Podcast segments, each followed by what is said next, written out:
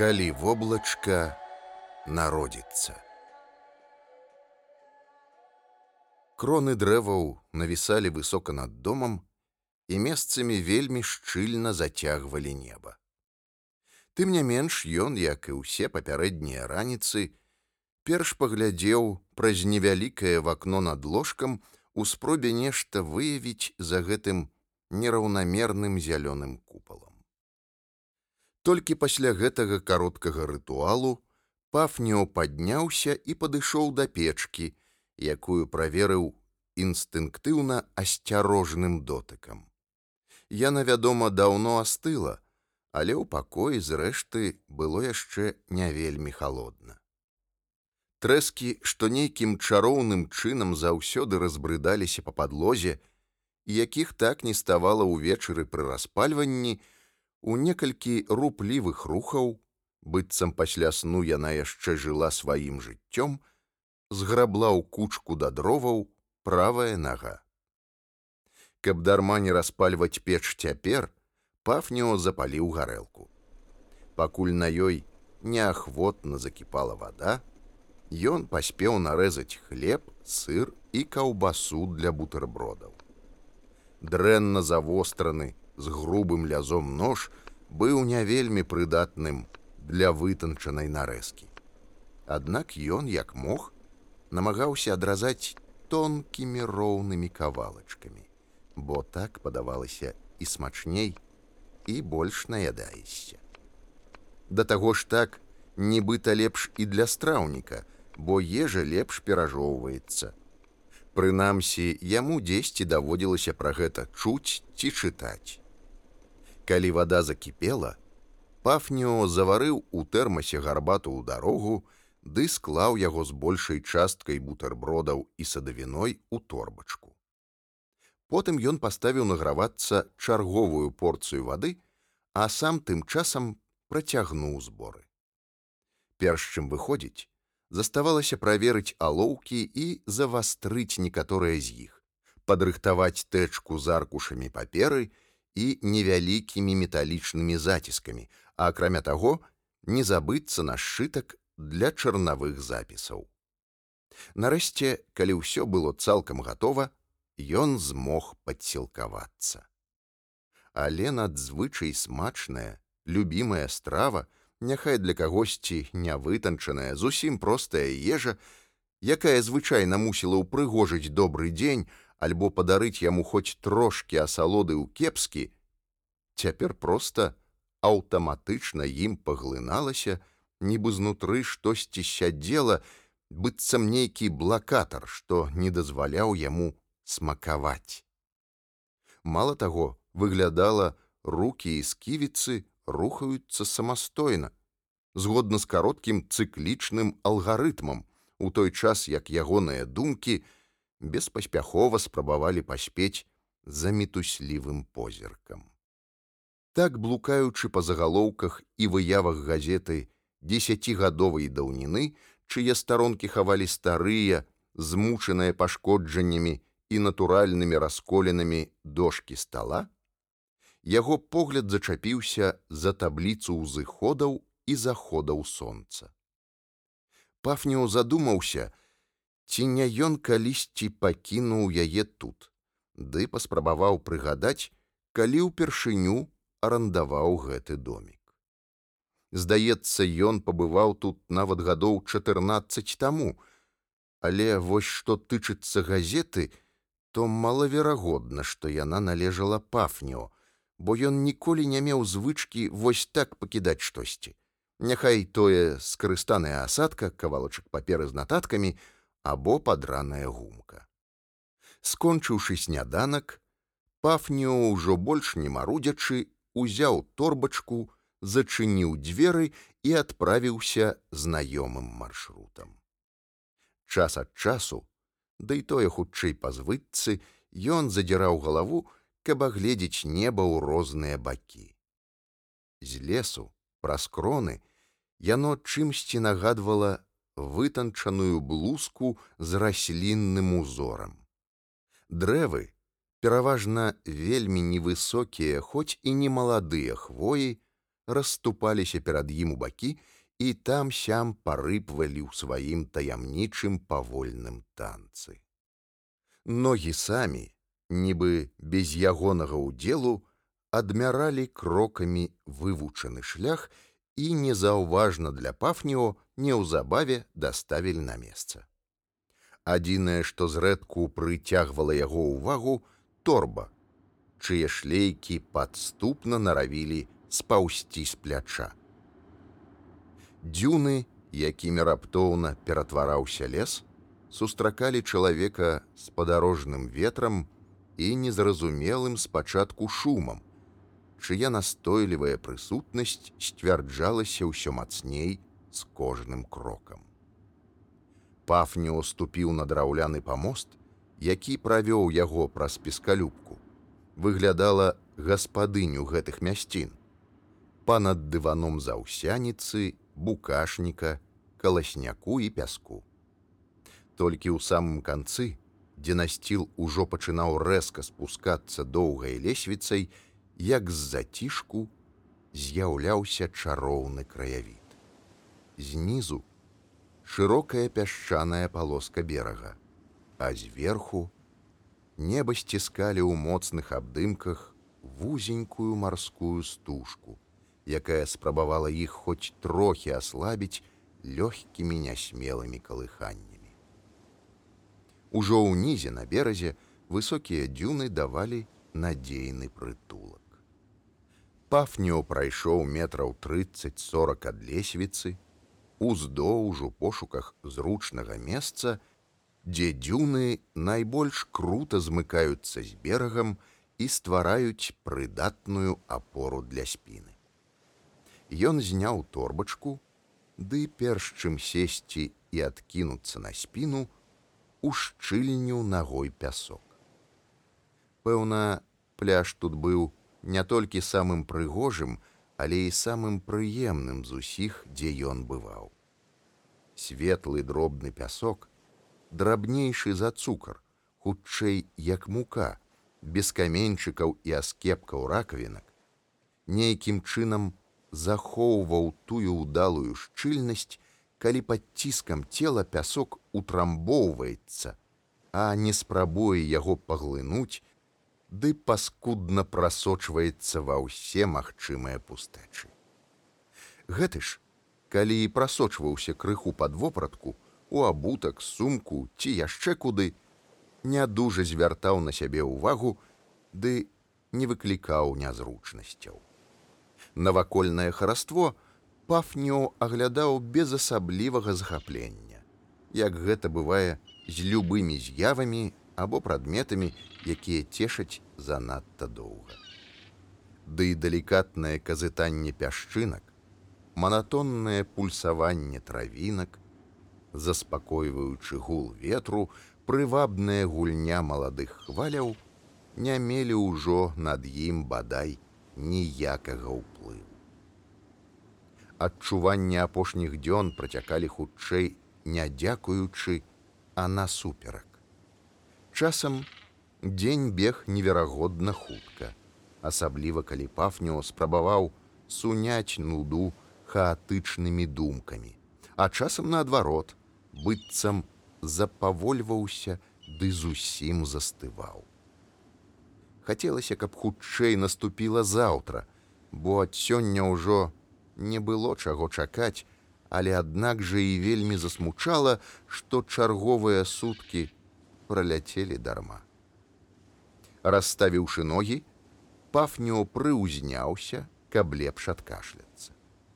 Усе намаганні яго цела канцэнтраваліся ў раёне горла, якое напружвалася ў марных спробах пазбавіцца ад дыскамфорту, ды разыходзіліся праз шыю, грудную клетку і жывот да самай пахвіны. Ён раз пораз рабіў удых, ды выстрэльваў выбуховым крэктам, пакуль чарговы раз не ўсведамляў, што нагода ягонага кашлю насамрэч уяўная. То хутчэй была спроба цела пазбавіцца ад напругі, якую неўзаметку назапашвала трывога. Таму пафнё паспрабаваў супакоіцца і проста глыбока дыхаць. Хоць гэта дапамагала не заўсёды і не адразу. Як пафнё давялося прыўзняцца, дык ён дастаў з торбачкі алоўкі і паперу, якую прымацаваў з усіх бакоў да тонкай драўлянай дошчачкі. Аловак пачаў бесклапотнае плаванне па аркушы. Ён не проста маляваў, але нібы ўдзельнічаў у містэрыі, у таямніцы, таямніцы існавання і небыцця, пакідаючы частку сябе на белай паверхні, каб крупіцы графіту адрадзіліся ў новай якасці. Месцамі ён пакідаў адрывістыя адбіткі, месцамі больш светлыя, лёгкія ці насычаныя, амаль чорныя, а недзе ўядаўся глыбока ў тканіну валокнаў. За адсутнасцю аблокаў пафніо нядбайна, рэзкімі рухамі амаль схематычна маляваў усё, што трапіцца на вочы ці ўсплыве ў памяці. У большасці выпадкаў лініі аказваліся настолькі няпэўнымі і прыблізнымі, што чужое вока наўрад ці б здолела скласці з іх зразумелую карціну. Ды не таму, што пафніо не ўмеў, а толькі таму, што адсутнічала вартая мадэль, каб прыступіць да справы з усёй руплівасцю і стараннасцю.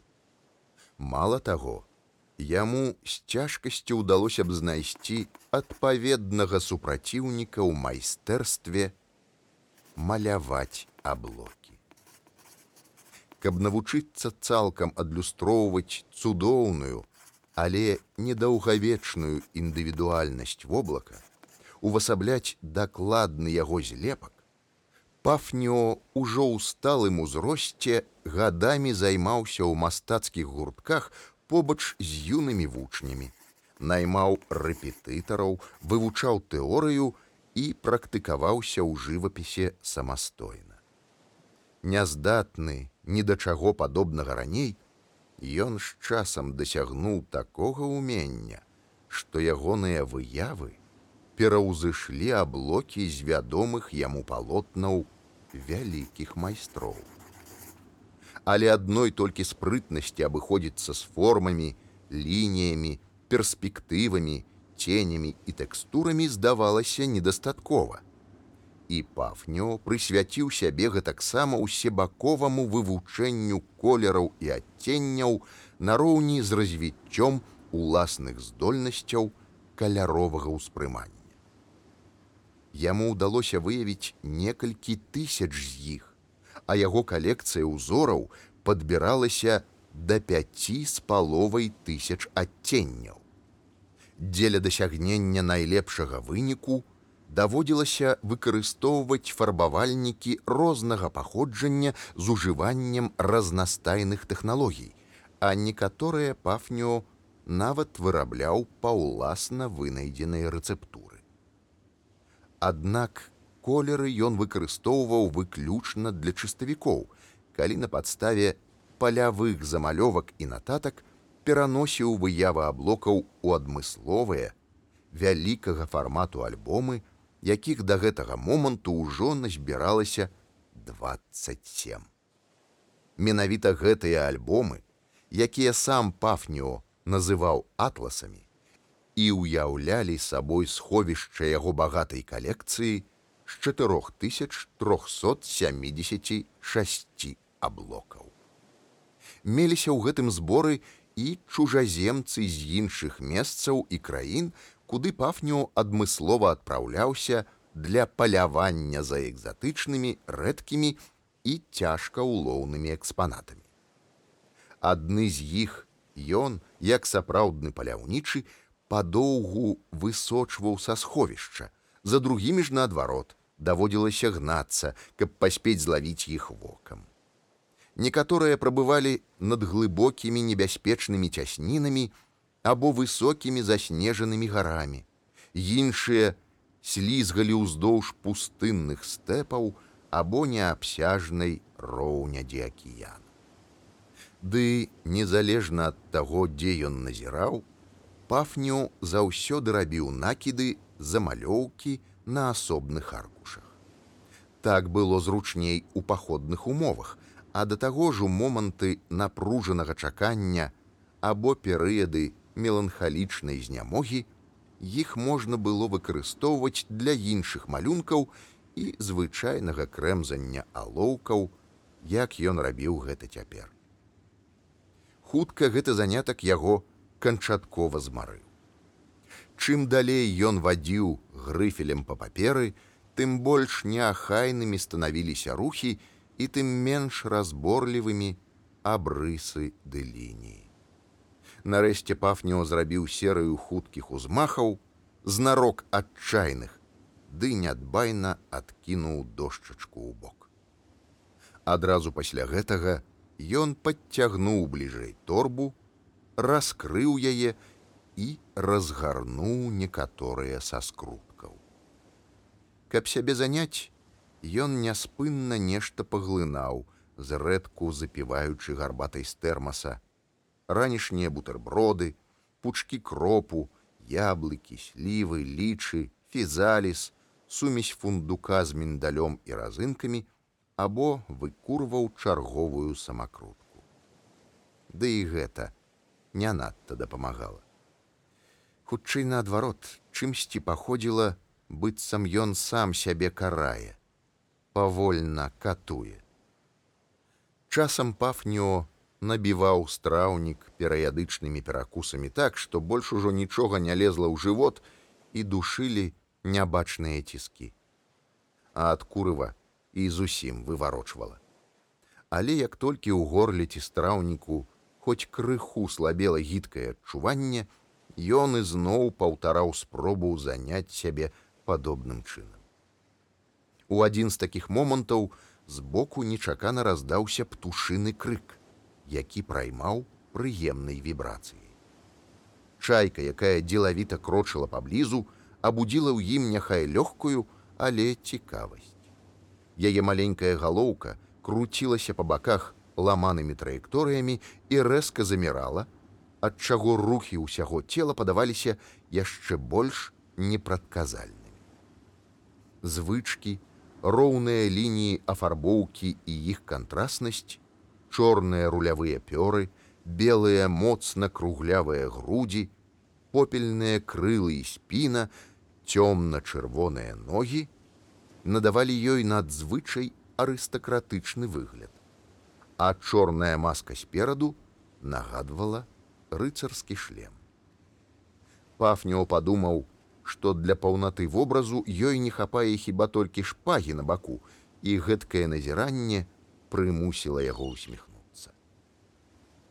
Каб прынадзіць птушку бліжэй і падрабязней яе разгледзець, пафніо спачатку кінуў некалькі кавалачкаў хлеба, а потым гарэхаў, як ён не аднойчы рабіў гэта з галубамі.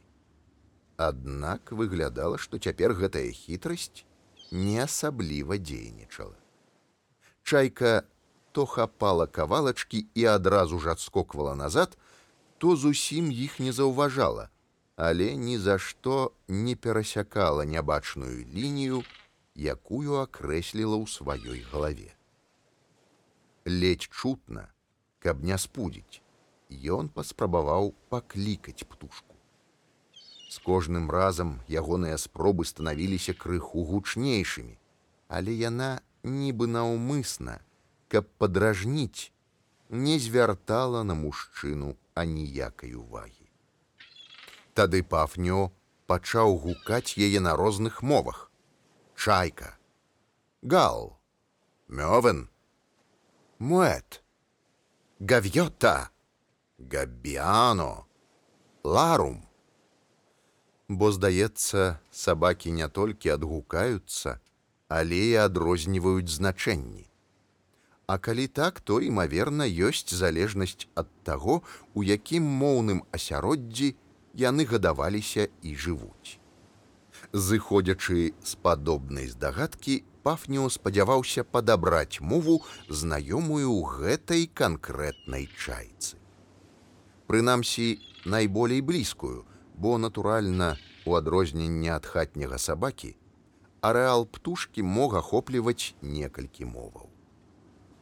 Адны мовы больш прыстасаваныя для апісання абстрактнага свету і ўяўных з'яваў, іншыя прадметнасці і статыкі.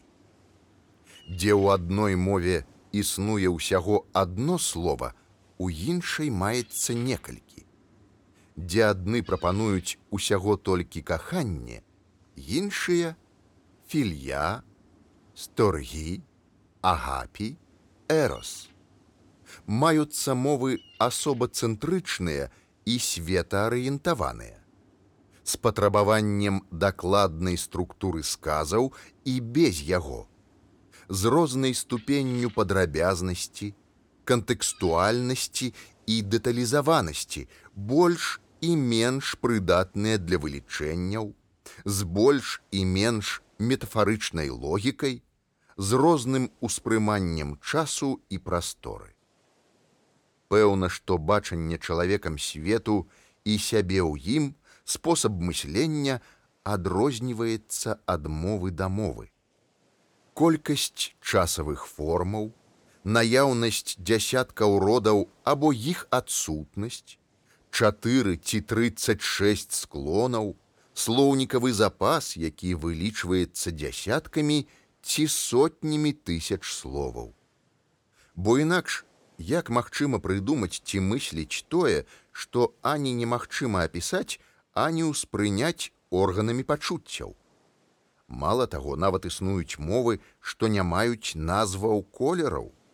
Верагодна, адны народы ўсё ж валодаюць большымі магчымасцямі развіваць філасофію, іншыя мастацтвы, трэція навукі і тэхналогіі, чацвёртае успрымаць прыроду. І менавіта з гэтых меркаванняў пафніо ўсё сваё жыццё вывучаў мовы, каб адшукаць і авалодаць найлепшым інструментарыем, ды мець магчымасць найбольш поўна апісваць аблокі, нічога не ўпускаючы. Тым не менш, натуральна, ніводная з даступных пафніомоваў не была здатная задаволіць яго цалкам, хоць і рабіла свой унёсак, дадавала нешта, без чаго ён ужо не мог абысціся ў сваіх назіраннях. Ягоныя запісы ўяўлялі сабой, заблытанае спалучэнне правілаў канструкцый слоў з розных моваў зразумелае хіба толькі яму аднаму. Нават у адным сказе мудрагеліста маглі суседнічаць германскія словы са славянскімі і азіяцкімі а венгерскія склоны з баскскім сінтаксісам. У любым разе веды пафню ніяк не дапамагалі яму зладзіць чайкай. Маленькі шустры і хітры камяк пёраў удосталь падражніў чалавека, падсілкаваўся на бяспечнай адлегласці і неўзабаве паляцеў, магчыма, у пошуках новай забавы, як больш прыдатнага сродку ад самоты. Адзінае, што ненадоўга засталося ў мужчына ад гэтай хуткаплыннай сустрэчы, здагадкі пра тое, чым цешыцца дзень за днём чайка і ці не больш у іх спафню агульнага, чым можа падацца. Але цяпер мала што магло займаць яго працяглы час. З аднаго боку ад моцнай супярэчлівасці думак і пачуццяў, спустошанасць галавы, што чаргавалася мітуслівасцю зблытаных разваг, якія ані да чаго не прыводзілі, і ад таго яшчэ больш расчароўвалі. Спробы расслабіцца па пераменку са спробамі зрабіць хоць нешта вартае, чымсьці сябе заняць. А з іншага боку, спробы прыспешыць час, які да болю марнаваўся ў спадзеве, што бліжэйшы яго прамежак удасца скарыстаць больш варта. Усё гэта толькі стварала невыноснае напружанне не толькі ў галаве, але і ва ўсім целе.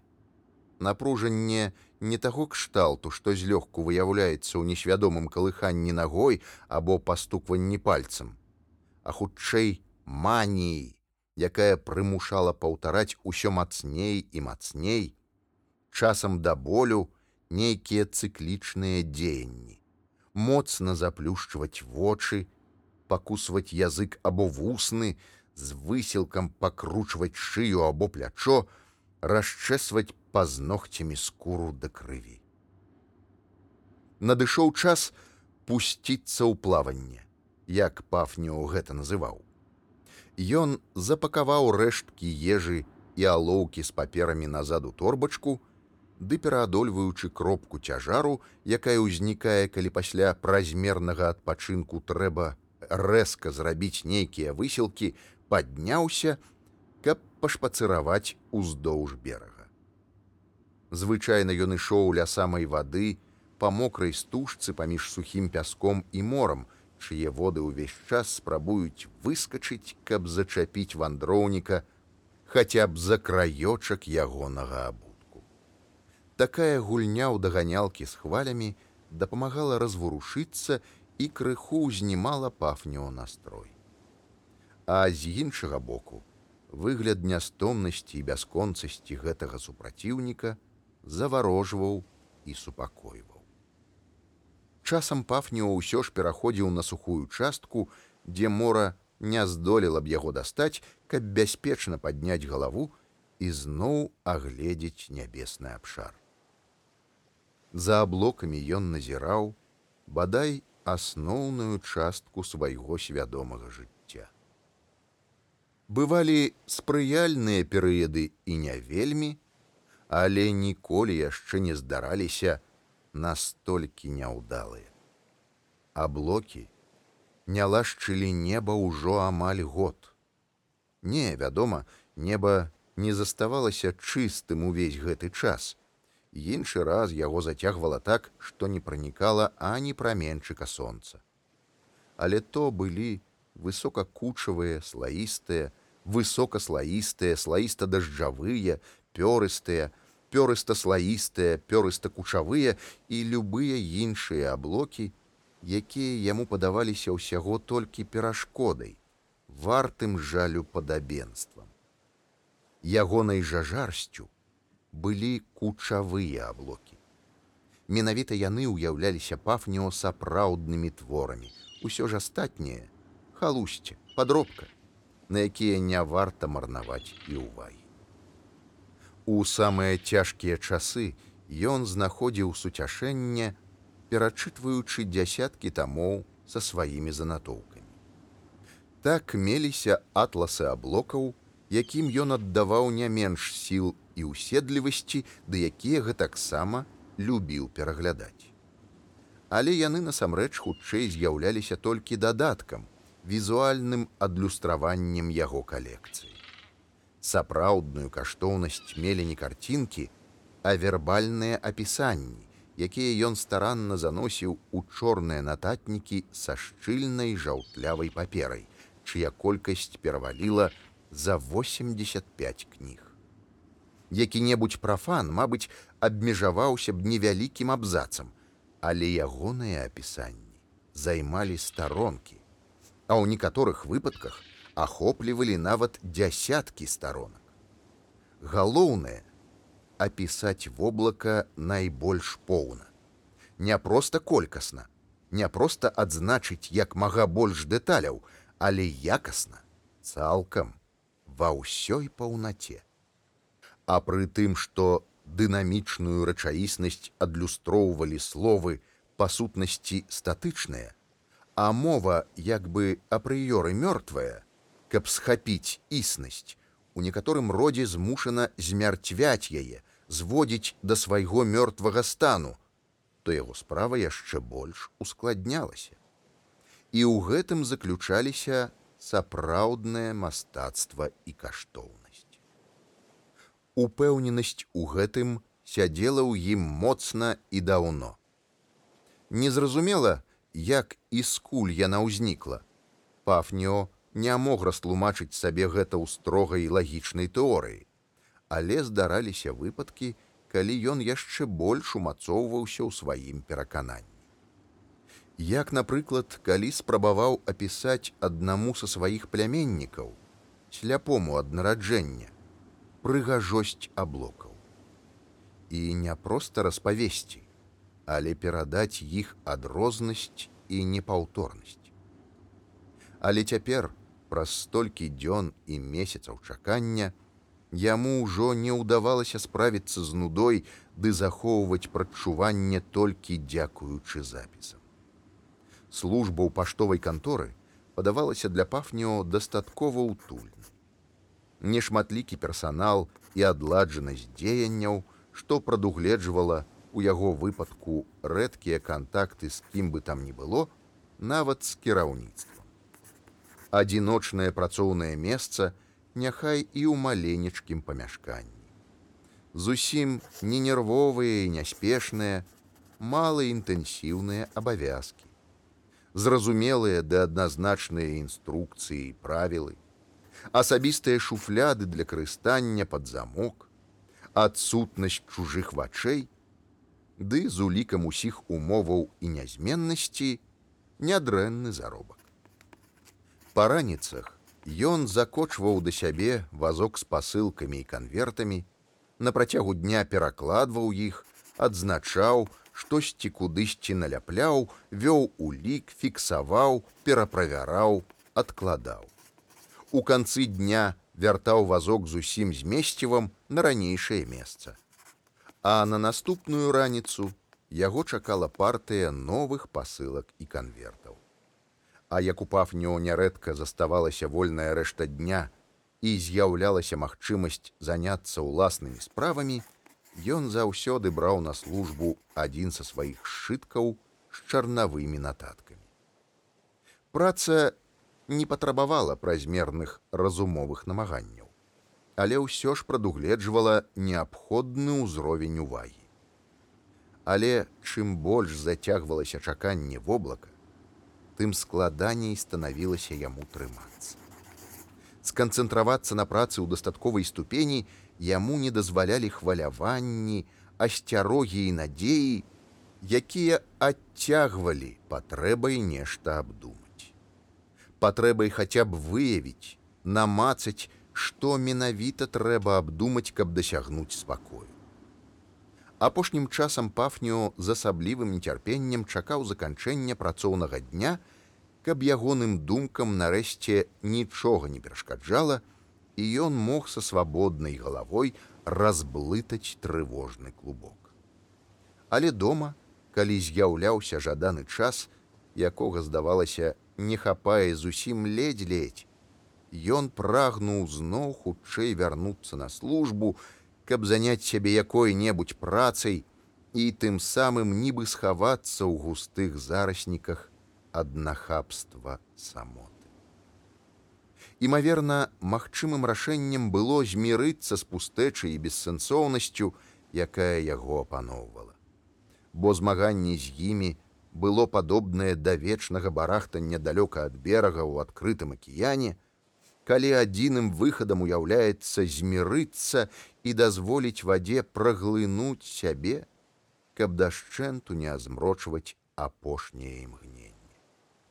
Але інтуітыўна пафню верыў, што ён не ў такім акіяне, дзе загінула надзея, а таму штосьці ўнутры ўтрымлівала яго на плаву, ды не дазваляла здацца і такім чынам знайсці вечны пакой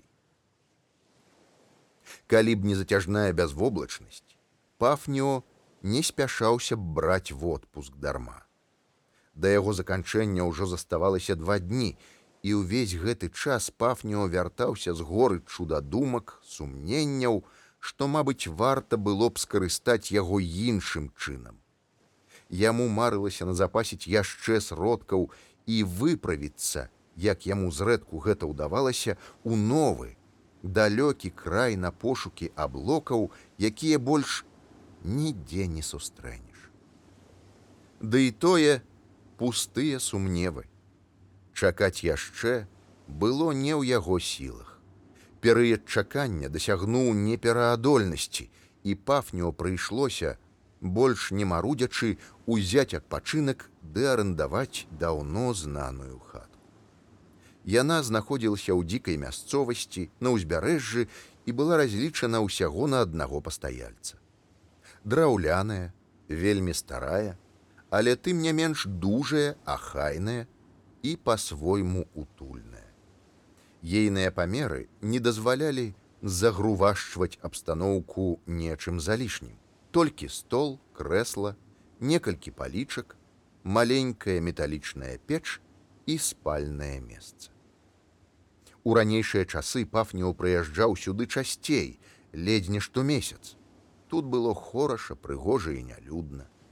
Нейкі перыяд ён нават гарэў ідэяй выкупіць яе разам з зямлёй, але падлічыў, што не вельмі выгодна і нашмат лепш усё ж арандаваць, калі не жыць тут падоўгу, а толькі зрэдку завітваць. Пафніо ведаў тут кожны закутак, кожную сцежку і дрэва. Тым не менш, ён не стамляўся захапляцца мясцовымі краявідамі. Нават самы звычайны пясок на беразе мог выклікаць у ім дзіцячую цікавасць. Вось і цяпер, на пераменку пераходзячы з мокрай прыбойнай стужкі на сухі бераг, пафніо уважліва назіраў, як у залежнасці ад ступені вільготнасці пясок вельмі неахвотна ці наадварот прагна прымаў і захоўваў адбіткі ад ягоных ног. Гэты шпацыр неўзаметку наліў цела энергіяй, што ён нават пачаў дурэць, бегаць, крэмзаць пяткай па пяску, чапляць яго наском чаравіка, каб паглядзець, як той паднімаецца і разлятаецца з ветрам. Хутка гульня прытаміла пафню, і ён задыханы прысеў набраць у кулак жменю. Пяшчынкі прасочваліся паміж пальцаў і нібы вадаспадам ляцелі ўніз. Паступова ветер узмацняўся, і пачыналася яго зачаравальная гульня з пяском, у якой удзел чалавека быў толькі лішні. Тады пафнё сеў як зручней і проста назіраў за натуральным відовішчам. Маленькія светлыя пясчынкі былі дастаткова лёгкія, каб ветер іх рухаў, ды ўсё ж занадта цяжкія, каб падняцца ў паветра. Ад таго выглядала, што тонкі верхні пласт кудысьці плыве, а ўвесь пляж вялікі жывы арганізм. А калі нахіліцца зусім блізка, каб разгледзець кожную часцінку асобна, магло здацца, што гэта безліч мурашак раптам ажыла і кудысьці спяшаецца на выперадкі. Ён так самазабыўна захапіўся гэтым відовішчам, што не адразу ўразумеў, што даўно не глядзеў да гары, каб праверыць неба. Пафнё паабтрэс вопратку, якую упрыгожваў тонкі ўзор пясочнай мукі, выпрастаўся на ўвесь рост і ўзяўся ўважліва аглядаць да самага краю блакітнага купала. Раптам яму здалося, што на ўсходзе прамільгнуў белы кавалачак, ды схаваўся за густымі вершалінамі лесу. Унутры адчуўся холодны востры імпульс, які знік гэтак жа імгненна, як і з'явіўся, ды пакінуў пасля сябе лёгкае, ледзь улоўнае казытанне ў версе грудзей. Вецер, які толькі нядаўна забаўляў яго бесклапотным спектаклем з пяском, зараз мог падступна схаваць ад яго доўгачаканыя аблокі за ўсходнім даляглядам. Павольным крокам шлях на той бок касы ніколі не займаў больш як паўгадзіны. Ён ішоў як мага хутчэй, аднак пафню чамусьці адчувалася, што можа спатрэбіцца і ўдвая больш часу. Ён мог бы паспрабаваць зрэзаць няходжанай дарогай, але каб не страціць яшчэ больш часу з-за нечаканых перашкод, пафнео асцерагаўся рызыкаваць і ішоў знаёмай сцяжынкай, хоць і трохі звілістай. Можа, з-за хуткіх рухаў, а мо наўмысна, торбачка пастаянна, часцей зазвычайная, саслізгвала з пляча і прымушала яго запавольвацца. У нейкі момант ён раздражнёны, неадбайна наматаў шлейкі на кулак і панёс яе далей у руках. Гэтак жа недарэчы пад ногі траплялі вялікія галінкі, шышкі, каменьчыкі і ямкі. Зверху падалі іголкі, лісточки або чапляліся за твар ніткі павуціння, або дарога замест таго, каб ісці роўна, то паднімалася, то падала рэзкім схілам. Дрэвы бліжэй абступілі яго абапал, а іх зеляніна шчыльней, чым раней зацягвала неба ды і думкі пра магчымае спазненне больш заміналі, чым падганялі. На гэтым баку з усходу бераг сфармаваўся зусім вузкі, а лес даходзіў амаль да самага краю, таму, каб нішто не загароджвала агляд, трэба было падысці да вады. Пафню кінуў торбачку на пясок і доўга вадзіў вачыма па небе, нават калі стала цалкам відавочна, што на ім ані плямкі. Моцныя парывы церабілі валасы і адзенне. Вецер істотна ўзмацніўся. Магчыма, ён пранёс па самым контуры небасхілу самотнае воблачка, Магчыма, то і зусім быў паветраны шар якога-небудзь падарожніка, чый краёчак пафнеў паспеў захапіць сваім позіркам, а можа, яму проста здалося вяртацца назад не мела сэнсу. Ужо пачынала цямнець. Таму пафнёў вырашыў застацца на гэтым баку. Не падбіраючы торбу, ён сеў на земляны абрыў, які навісаў над амаль заўсёды мокрым пяском лініі пляжу. Ягоная паверхня не з'яўлялася такой светлай і лёгкай, як на тым баку, а там сям багата былі раскіданыя шышкі, іголкі і галін выглядала нават чайкі не асабліва любілі адмяраць тут адлегласці сваімі маленькімі ножкамі. Тут усё падавалася закінутым і самотным. Нават нясмелая хваля, якая змяняла папярэднюю і саступала месца нованароджаны. Пафнё сядзеў нерухома, гледзячы на ціхамірны далягляд, і зліваючыся думкамі з чыстай сіняватай прасторы. Нарэшце, калі амаль сцямнела і заставаўся хіба толькі невялікі запас, каб разгледзець хаця б абрысы, ён падняў сумку і адправіўся назад у маленькую драўляную хатку. Пафнё вяртаўся ўдзячны, што гэты дзень нарэшце прайшоў, і адкрываў шлях надзеі для новага. Хоць у той самы час ён спараджаў новыя асцярогі ды хваляванні, што і заўтра пафнё можа зноў спасцігнуць расчараванне. Калі воблачка народзіцца Мастацкі падкаст па тэксце кірыла стаселькі. Агучваў олег гарбус. Подписывайтеся на подкаст на ўсіх буйных пляцоўках каб не прапусціць новыя выпуски